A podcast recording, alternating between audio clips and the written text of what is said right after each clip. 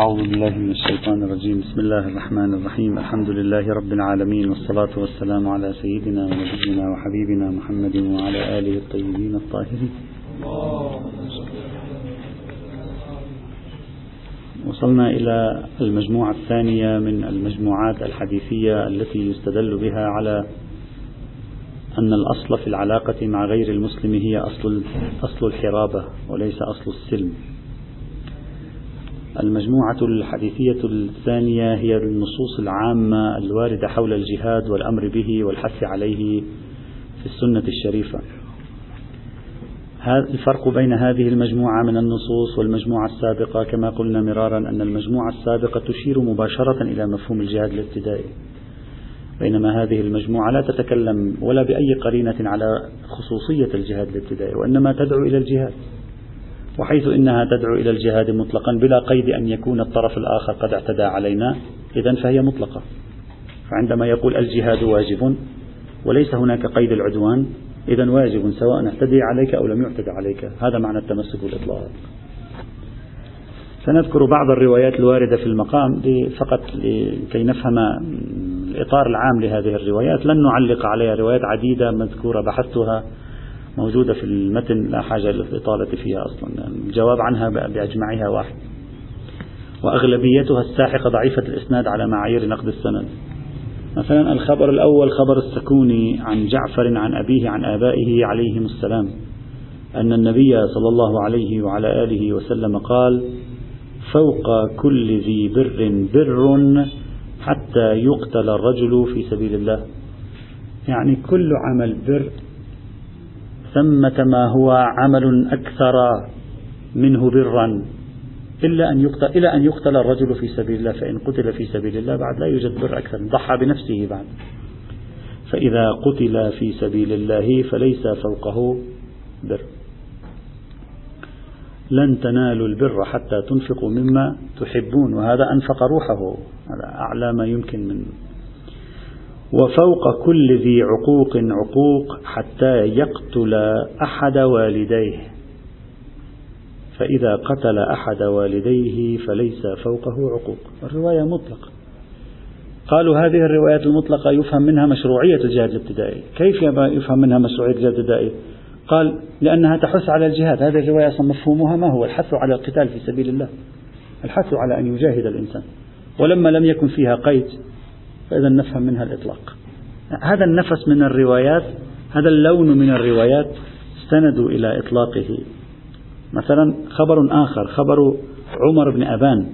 عن أبي عبد الله عليه السلام قال قال رسول الله صلى الله عليه وعلى آله وسلم الخير كله في السيف وتحت ظل السيف ولا يقيم الناس إلا السيف. والسيوف مقاليد الجنة والنار. قالوا السيف هو كناية عن الجهاد عندما تطلق كلمة السيف في ذلك الفضاء الإسلامي هو كناية تعبير آخر عن الجهاد. قل كل الخير في السيف حث على الجهاد وليس فيه تقييد. فإذا نستفيد منه الجهاد حتى في حق من لم يعتدي علينا أبدا. طبعا هذه الرواية في هذه في هذه الطريقة قد لا يفهم منها الجهاد. ها. يعني لا نريد أن ندخل في كل رواية اعتمادا على مراجعتكم للبحث. هذه قد يقال المراد منها نظام العقوبات. لذلك قال ولا يقيم الناس إلا السيف. يعني لابد يكون في نظام عقوبات في المجتمع. إذا لا توجد أنظمة جزائية وجنائية لا يقوم الناس. يتصارع الناس فيما بينهم ويأكل بعضهم بعضا. فلا بد أن يكون هناك سيف يعني قوة. سيف كناية عن القوة. يعني العقوبة حتى يمشي أمر الناس. فقد يدعي شخص ويقول أصلا هذه الرواية ليست في الجهاد. إلا إذا شخص قال كلمة السيف عامة فتشمل الجهاد وغير الجهاد. وفي الجهاد أيضا هي عامة تشمل ما إذا اعتدي علينا وما إذا لم يعتدى علينا فنستفاد منها فيستفاد منها الإطلاق. مثلا في رواية أخرى عن أبي جعفر عليه السلام قال الخير كله في السيف وتحت السيف وفي ظل السيف. قال وسمعته يقول إن الخير كل الخير معقود في نواصي الخيل إلى يوم القيامة. تعبير الخيل هنا يعزز من فكرة الجهاد أيضا. أو في رواية واردة في المصادر السنية مشهورة هذه الرواية عن رسول الله صلى الله عليه وعلى آله وسلم. قال الخير معقود في نواصي الخيل إلى يوم القيامة. يعني إلى يوم القيامة الخير هو في الخيل يعني الجهاد تعبير عن الجهاد والغزو والهجوم على الكافرين في هذا المجال.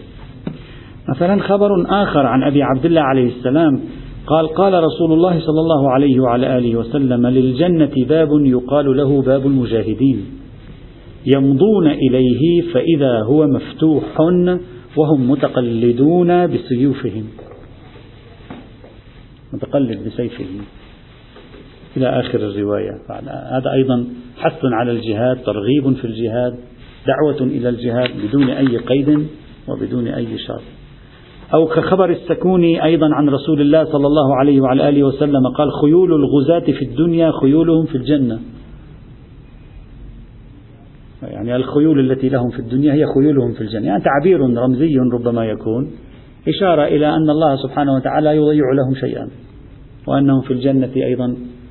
تحفظ كل الأدوات التي كانوا يستخدمونها في الغزو أيضا كأنما تلحقها بركة ما مثلا. وهذا أيضا حث على الجهاد وما أعظمه من حث على الجهاد مثلا. خاصة مع تعبير قد واحد يقول لك تعبير الغزو يفهم منه الجهاد الابتدائي إلا أن كلمة الغزو لا يفهم منها في اللغة العربية الجهاد الابتدائي. أبدا. يعني يفهم منها الهجوم على الطرف الآخر أنها ليست مقرونة خصوصا بالجهاد الابتدائي. أو مثلا خبر آخر عن النبي أيضا خبر السكوني. السكوني له روايات عديدة في باب الجهاد بالمناسبة. قال النبي صلى الله عليه وعلى آله وسلم أخبرني جبرائيل بأمر قرت به عيني وفرح به قلبي. قال يا محمد اللهم صل على محمد وعلى محمد. من غزا من أمتك في سبيل الله فأصابه قطرة من السماء أو صداع كتب الله عز وجل له شهادة يوم القيامة. أيضا هذا حديث مطلق. أي واحد يغزو في سبيل الله بدون قيد ما يتكلم عن قيود هنا أصلا. اعتدي علينا أو لم يعتدى علينا. إلى أو جاهدوا تغنموا. هذا النوع من الروايات أيضا كثير. أو مثلا تعبير ما ما بال الشهيد لا يفتن في قبره قال كفى بالبارقة فوق رأسه فتنة. لماذا لا يفتن الشهيد في قبره كما يفتن بعض الناس؟ كفى بهذا السيف الذي فوق رأسه. هذه فتنة عظيمة صبر عليها ورضي بها حتى قتل في سبيل الله. فيفتن بعد ذلك بأشد من هذا لا يفتن الإنسان. فتن بالتضحية بروحه. فإذا لا حاجة لأن يفتن في قبره. أما سائر الناس يفتنون في قبورهم. ماتوا على آه، مثلا فراشهم.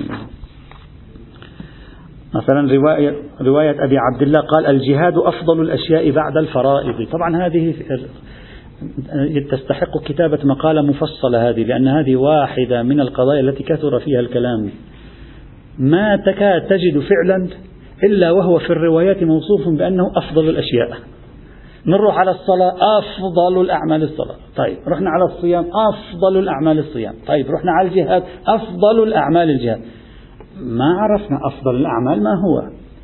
لذلك بعضهم قال يقع تعارضات بين الأحاديث وكان لبعض العلماء مخارج في هذه أن هذه ليس المراد منها الأفضل بالمعنى الحرفي وإنما هي نوع من التعبير عن أنه من أعالي الأفعال وفضائل الأعمال التي ينبغي للإنسان أن يفعلها. لا بأس في أن إذا أشخاص لديهم مزاج حديثي يكتبوا في هذا.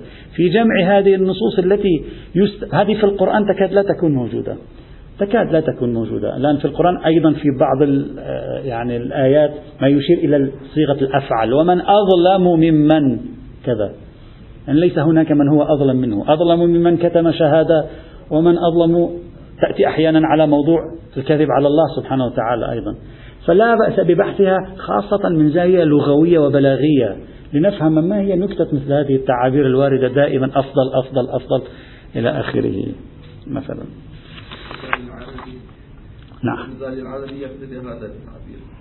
نعم هو هل هل هذه التعابير مأخوذة بهذا المعنى الحقيقي الذي نحن نفهمه أو لا؟ هذه تعابير سائدة بين العرب كناية عن أن هذا الفعل من من أفضل الأعمال، والعرب تعبر المبالغة وبناء الأعم الأغلب سائد في لغة العرب. ليس في لغة العرب هذا يعني في أنا أعتقد في جميع لغات العالم ربما يكون موجودا. لكن في لغة العرب اللغة العرفية هكذا. يبالغ في الشيء ولا يقصد وليست المبالغة كذبا. والمبالغة يقصد منها تركيز على أهمية الفعل. فقط. لكن نحن نلتقط الكلمة ثم نقوم بتفسيرها تفسيرا يعني كأنما هي قضية منطقية وممكن تخلق لنا مشاكل في بعض الأحيان مثلا.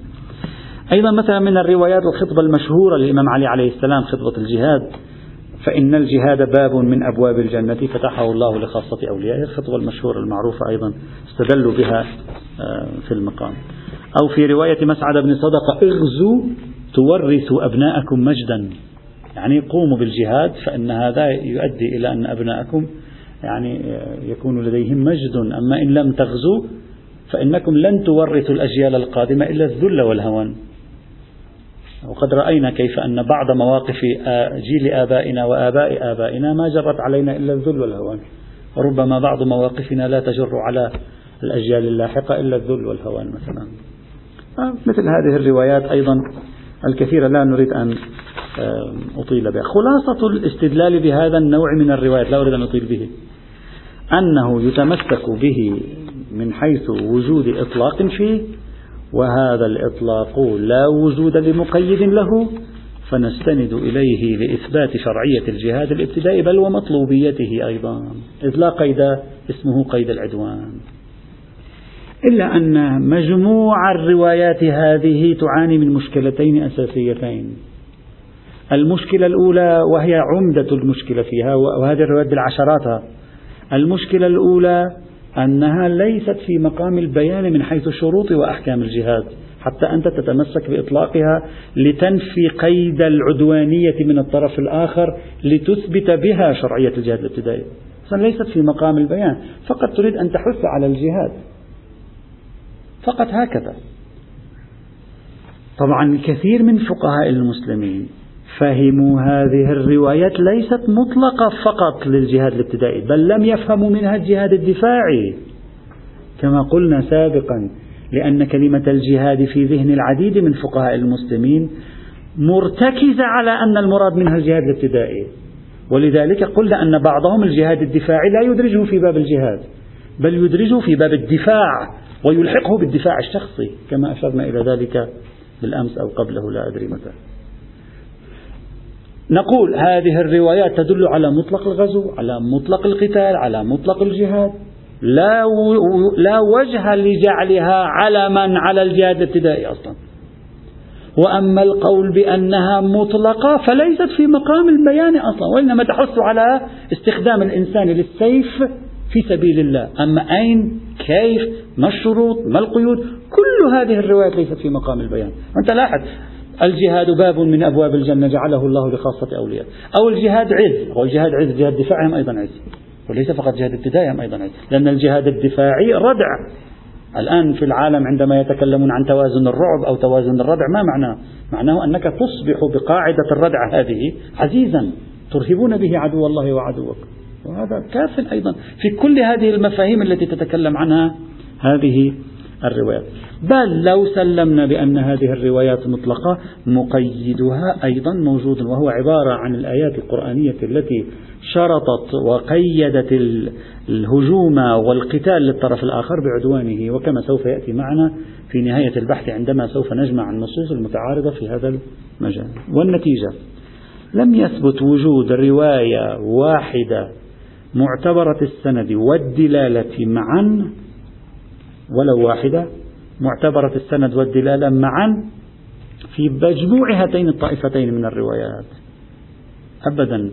نعم إذا لم تقبلوا بالمداخلة التي قمنا بها في أمرت أن أقاتل الناس نعم يكون عندنا حديث واحد صحيح السند على مباني أهل السنة ضعيف السند على مشهور المباني الشيعية وهو حديث أمرت أن أقاتل الناس حتى يشهدوا أن لا إله إلا الله. سنفترض الآن أن هذا الحديث صحيح سندا وسنفترض أنه دال أيضا على الجهاد الابتدائي وسنفترض أن آية الجزية ما تزال تدل على الجهاد الابتدائي. إذا خلي في بالنا الآن ثبت عندنا بعض الآيات مثل آية الجزية فقط وثبت عندنا ولو حديث واحد مثل حديث أمرت أن أقاتل الناس على بعض المباني مثلا دلالة وسندا. نحتفظ بهما إلى أن نرى فيما بعد. هل من مقيد لهما؟ هل من معارض لهما؟ سيأتي إن شاء الله. إذا حتى الآن تكلمنا عن الدليل القرآني والمجموعات القرآنية تكلمنا عن الدليل الحديثي والمجموعات الحديثية. الدليل الثالث السيرة. قالوا تاريخ المسلمين تاريخ النبي صلى الله عليه وعلى آله وسلم يشهد على ابتدائية الجهاد. وفعل النبي حجة. فالجهاد الابتدائي مشروع. كيف؟ قالوا كل غزوات المسلمين ابتدائية إلا ما خرج بالدليل كما سوف نرى. مثلا واحد معركة بدر الكبرى. وين بدر الكبرى؟ وين بئر بدر؟ وين المدينة؟ ما حد كان مقرب صوتكم تعبيرنا يعني. لم يكن أحد قد اقترب منكم حتى تقاتلوه. المسلمون ذهبوا لكي يضربوا تلك القافلة في بئر, في بئر بدر. وتلك القافلة بعيدة بعد شديد عن المدينة المنورة. فإذا بدر بعيدة لا أقول بعد لكن بعيدة عنها. لم يكن المشركون جيشا أصلا. أنتم الذين بدأتم لأن أنتم فعلتم ما فعلتم في القافلة وعلى إثر ما فعلتم جاء أولئك ليقاتلوا. فقالوا معركة بدر هي معركة ابتدائية. اثنين معركة خيبر. خيبر 200 كيلومتر تقريبا جزء أكثر أيضا تبعد عن المدينة شمال المدينة المنورة. هل جهز اليهود في خيبر جيش يعني؟ هل سمعنا يوم من الأيام أن جيشا جهز في خيبر وكان يتجه باتجاه المدينة وأن النبي قام بتجهيز جيش لمواجهتهم على الطريق أبدا الجماعة جالسين في قلاعهم وحصونهم والنبي صلى الله عليه وعلى آله وسلم خرج بجيش استمر الخروج أشهر عدة ووصل إلى تلك المسافة البعيدة وهناك قاتلهم وبعد قتلهم رجع إلى ديارهم أين هي الدفاعية في في حرب خيبر؟ لا يوجد دفاعية أصلا. هذا مثال ثاني. نموذج ثالث أيضا معركة مؤتة. المسلمون جهزوا فيها جيشا واتجهوا فيها إلى شمال الجزيرة العربية. والأمر عينه أيضا قضية بعث أسامة آه، بن زيد. أيضا غزوة بني المصطلق. والجماعة ما سووا شيء النبي صلى الله عليه وسلم ذهب إليهم وقاتلهم. هم لم لم يأتوا إلى إلى إلى إلى إلى ديار المسلمين ليقاتلوا. لم يجهزوا جيشا ليأتوا. أصلا النبي باغتهم هنا. النبي باغتهم أصلا لبني المصطلق حسب الرواية التاريخية. حتى بعض المصادر التاريخية تقول هجم عليهم وهم غارون. غارون يعني غافلون أصلا. ما ما يعرفون أن هناك حرب أصلا. جماعة في بيوتهم جالسين ما عندهم خبر بشيء. النبي هجم عليهم ودخل عليهم ديارهم. هكذا فجأة أصلا بدون أي علم بدون أي خبر. وهذا هو الجهاد الابتدائي. إذا في مثل معركة بدر في مثل معركة خيبر في مثل معركة مؤتة في مثل معركة بني المصطلق. كل هذا يشير إلى أن حروب النبي وغزوات النبي هي عبارة عن جهاد ابتدائي كان. نعم نعم. معركة أحد كانت دفاعية صحيح. هم جاءوا والنبي خرج إليهم ليحمي المدينة المنورة. نعم معركة الأحزاب كانت دفاعية. جاءوا هم حاصروا المدينة المنورة. والنبي أراد أن يدافع عن عن عن وطنه وعن بلاده. ولا يوجد شيء أكثر من ذلك. فإذا الحالة العامة في حروب النبي أنها ابتدائية والحالة النادرة القليلة أنها دفاعية وهذا خير دليل على مشروعية الجهاد الابتدائي. لا نريد أن نضيف والكلام للمستدلين لا نريد أن نضيف ونقول أيضا المسلمون بعد النبي قاموا بالفتوحات. المسلمون بعد النبي بأنفسهم قاموا بالفتوحات. وهذا كاف أيضا. لم يعترض أحد لم يقل أحد إلى أين تذهبون؟ هذا حرام هذا لا يجوز. من قال لكم تذهبوا؟ على سليقتهم.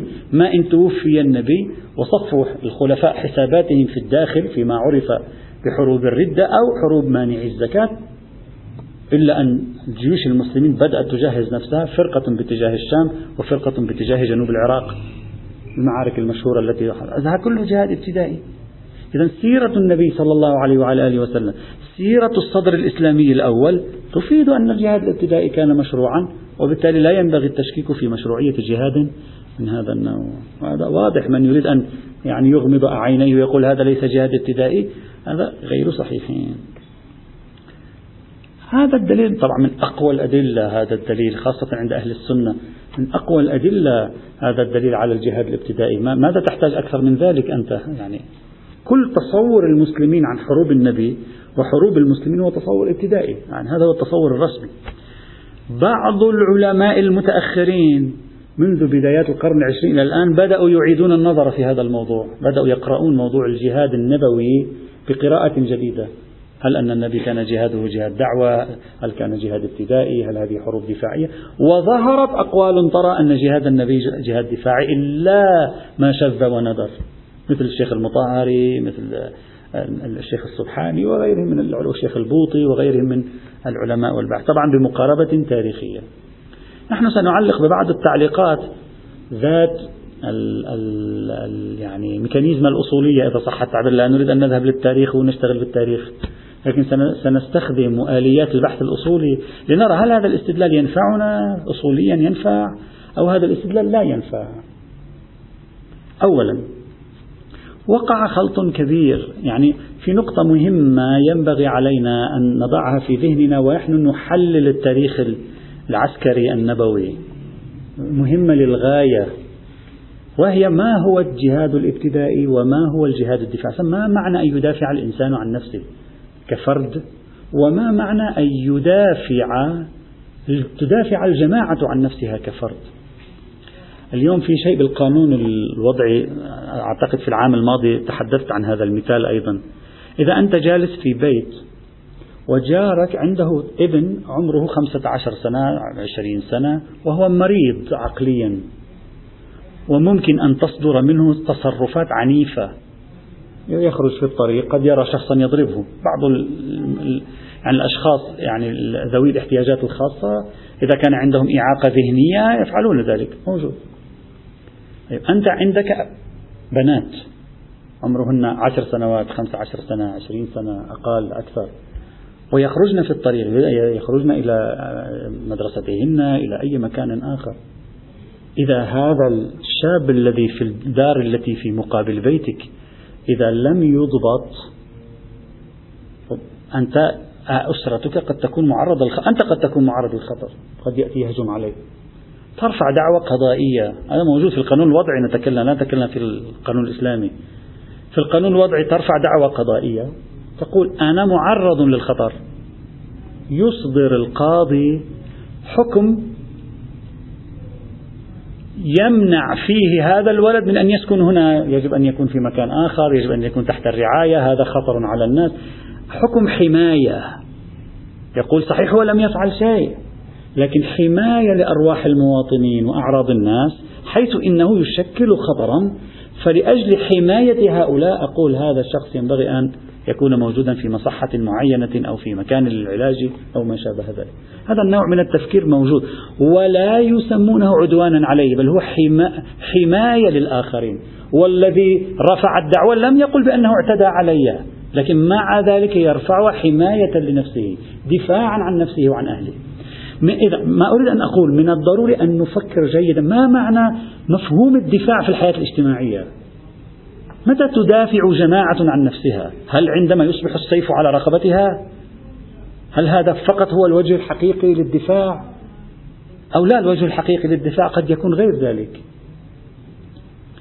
لا شك ولا الآن عندما نتكلم عن حتى الآن في العالم عندما يأتي آه، مثلا الرئيس الأمريكي ويقول أنا أريد أن أقوم بحرب في أفغانستان أو في العراق وهذه الحرب ما هي؟ قال هي بهدف الدفاع لأنني إن لم أحارب هناك فإنهم سيأتون إلينا. وأقنع العالم كله بهذه والقانون الدولي أيضا يمكن أن يساعدهم في ذلك إذا قدموا له مستندات. ما معنى ذلك؟ معنى ذلك أن مفهوم الدفاع لا يقتصر على أن تكون النيران قد أطلقت سلفا. وإنما مفهوم الدفاع مفهوم سياسي وليس مفهوما عسكريا هنا. هذا الذي أريد أن أضيء عليه. يعني عندما تكون هناك دولة مجاورة لدولة أخرى وتلك الدولة الأخرى يمر نهر منها ويأتي إلى الدولة الثانية والدولة الأخرى تقول أنا أريد أن أتصرف بالمياه وأصنع سدودا على هذا النهر وهذا ما سيؤدي بالدولة الثانية إلى أضرار وإلى كوارث ممكن أن لا يوجد حرب هنا يا أخي.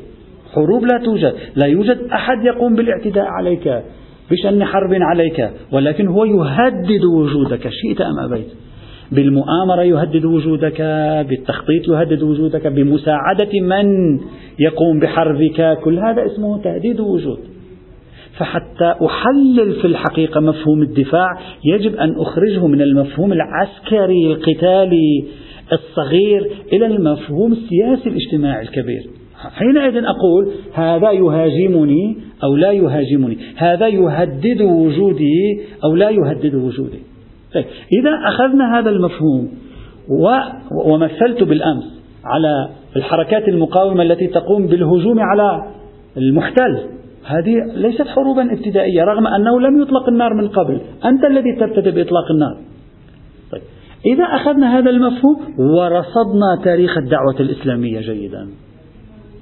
الشخص الذي يقاتل قريش وقد هجرته قريش من بلاده وأحرقت ممتلكاته وصادرت ممتلكاته وقمعت المسلمين المتبقين القلة هناك. وتمنعه من أن يعود إلى وطنه. هذا بالمفهوم السياسي. ابتدائي قتاله أم دفاعي قتاله؟ حتى تلك القصة التي قيلت حول قافلة أبي سفيان ماذا كانت حجة المسلمين فيها؟ حجة المسلمين فيها كما ينقل لنا التاريخ أن أولئك قد صادروا أموالنا في مكة فمن حقنا أن نستعيد أموالنا في هذه القافلة المتجهة إلى الشام. هذا مفهوم دفاعي. هذه الكلمات الموجودة في التاريخ ينبغي أخذها بعين الاعتبار كي نفهم سياق الموضوع. ليست الحرب حينئذ حربا ابتدائية. أصلا أنت لو تنظر إلى حياة النبي منذ اللحظة الأولى للبعثة إلى حين استقرار وضعه بعد فتح مكة تجد أن السياق الأعم الأغلب هو المستهدف. نعم العرب في الجزيرة العربية مستهدفون بدينهم. صحيح لأنه هو ينشر دين جديد.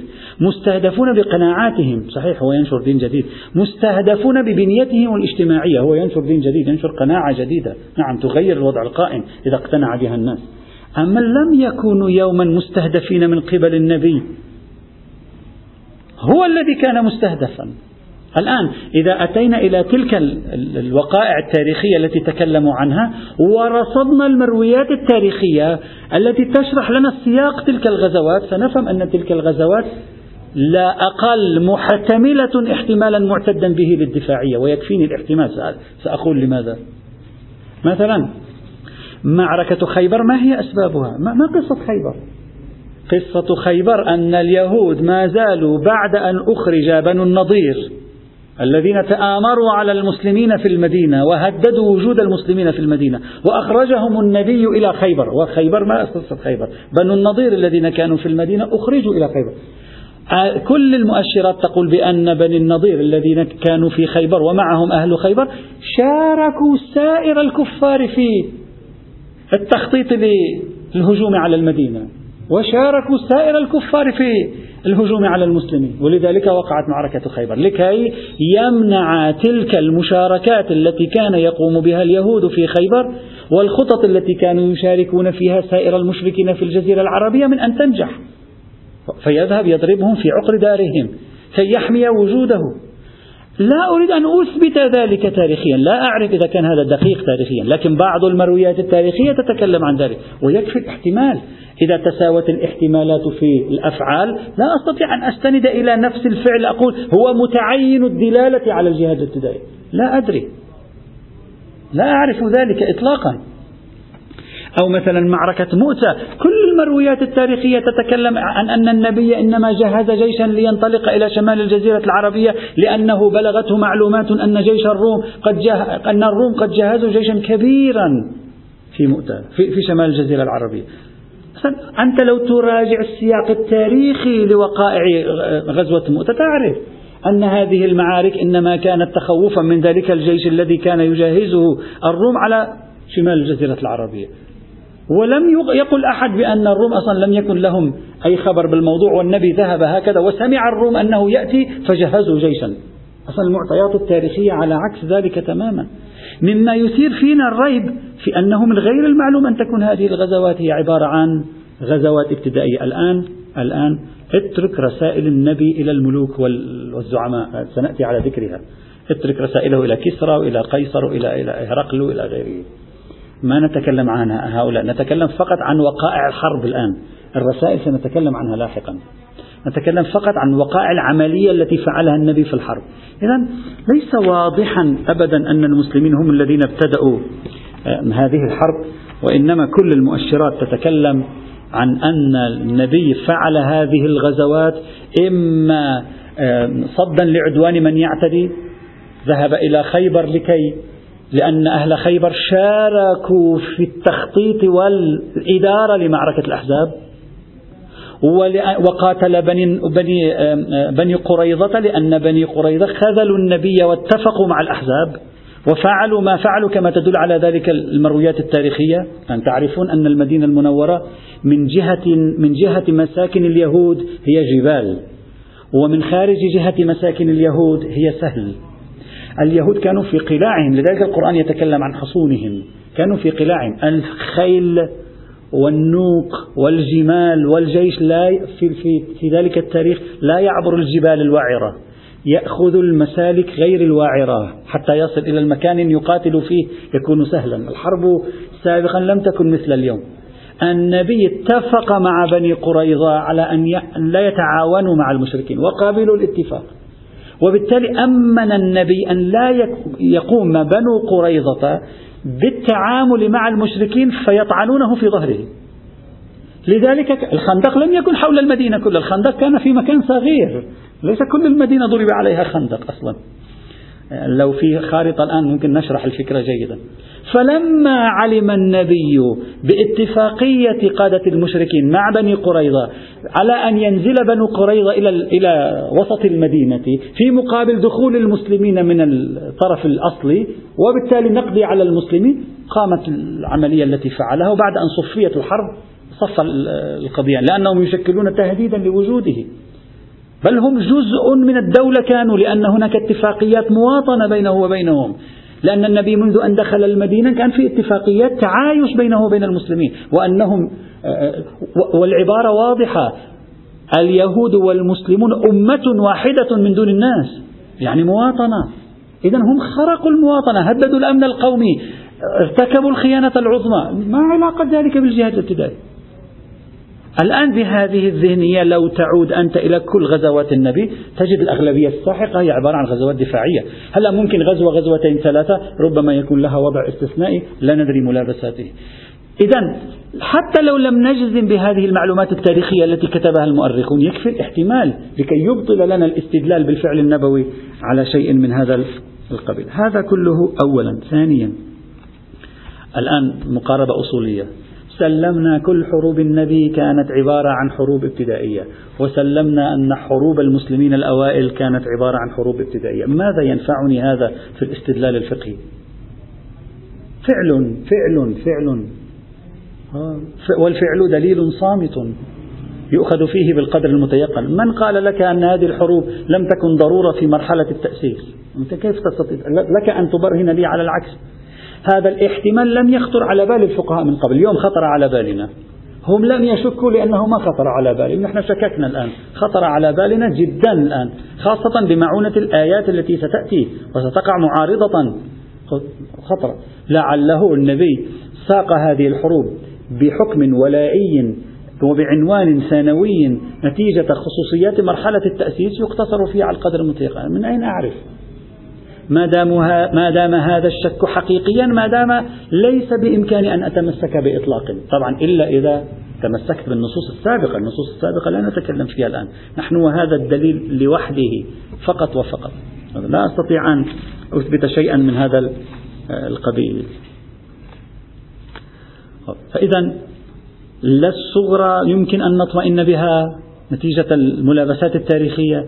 لا الكبرى الأصولية يمكن أن نطمئن بها هنا. نتيجة كون هذا الاستدلال استدلال لبي والاستدلال اللبي يؤخذ فيه بالقدر المتيقن نعم ممكن أن تقول يجوز للمسلمين التوسع إذا طرأ طارئ ثانوي وهذا كل قوانين العالم تحتمل الطوارئ الثانوية ما في مشكلة.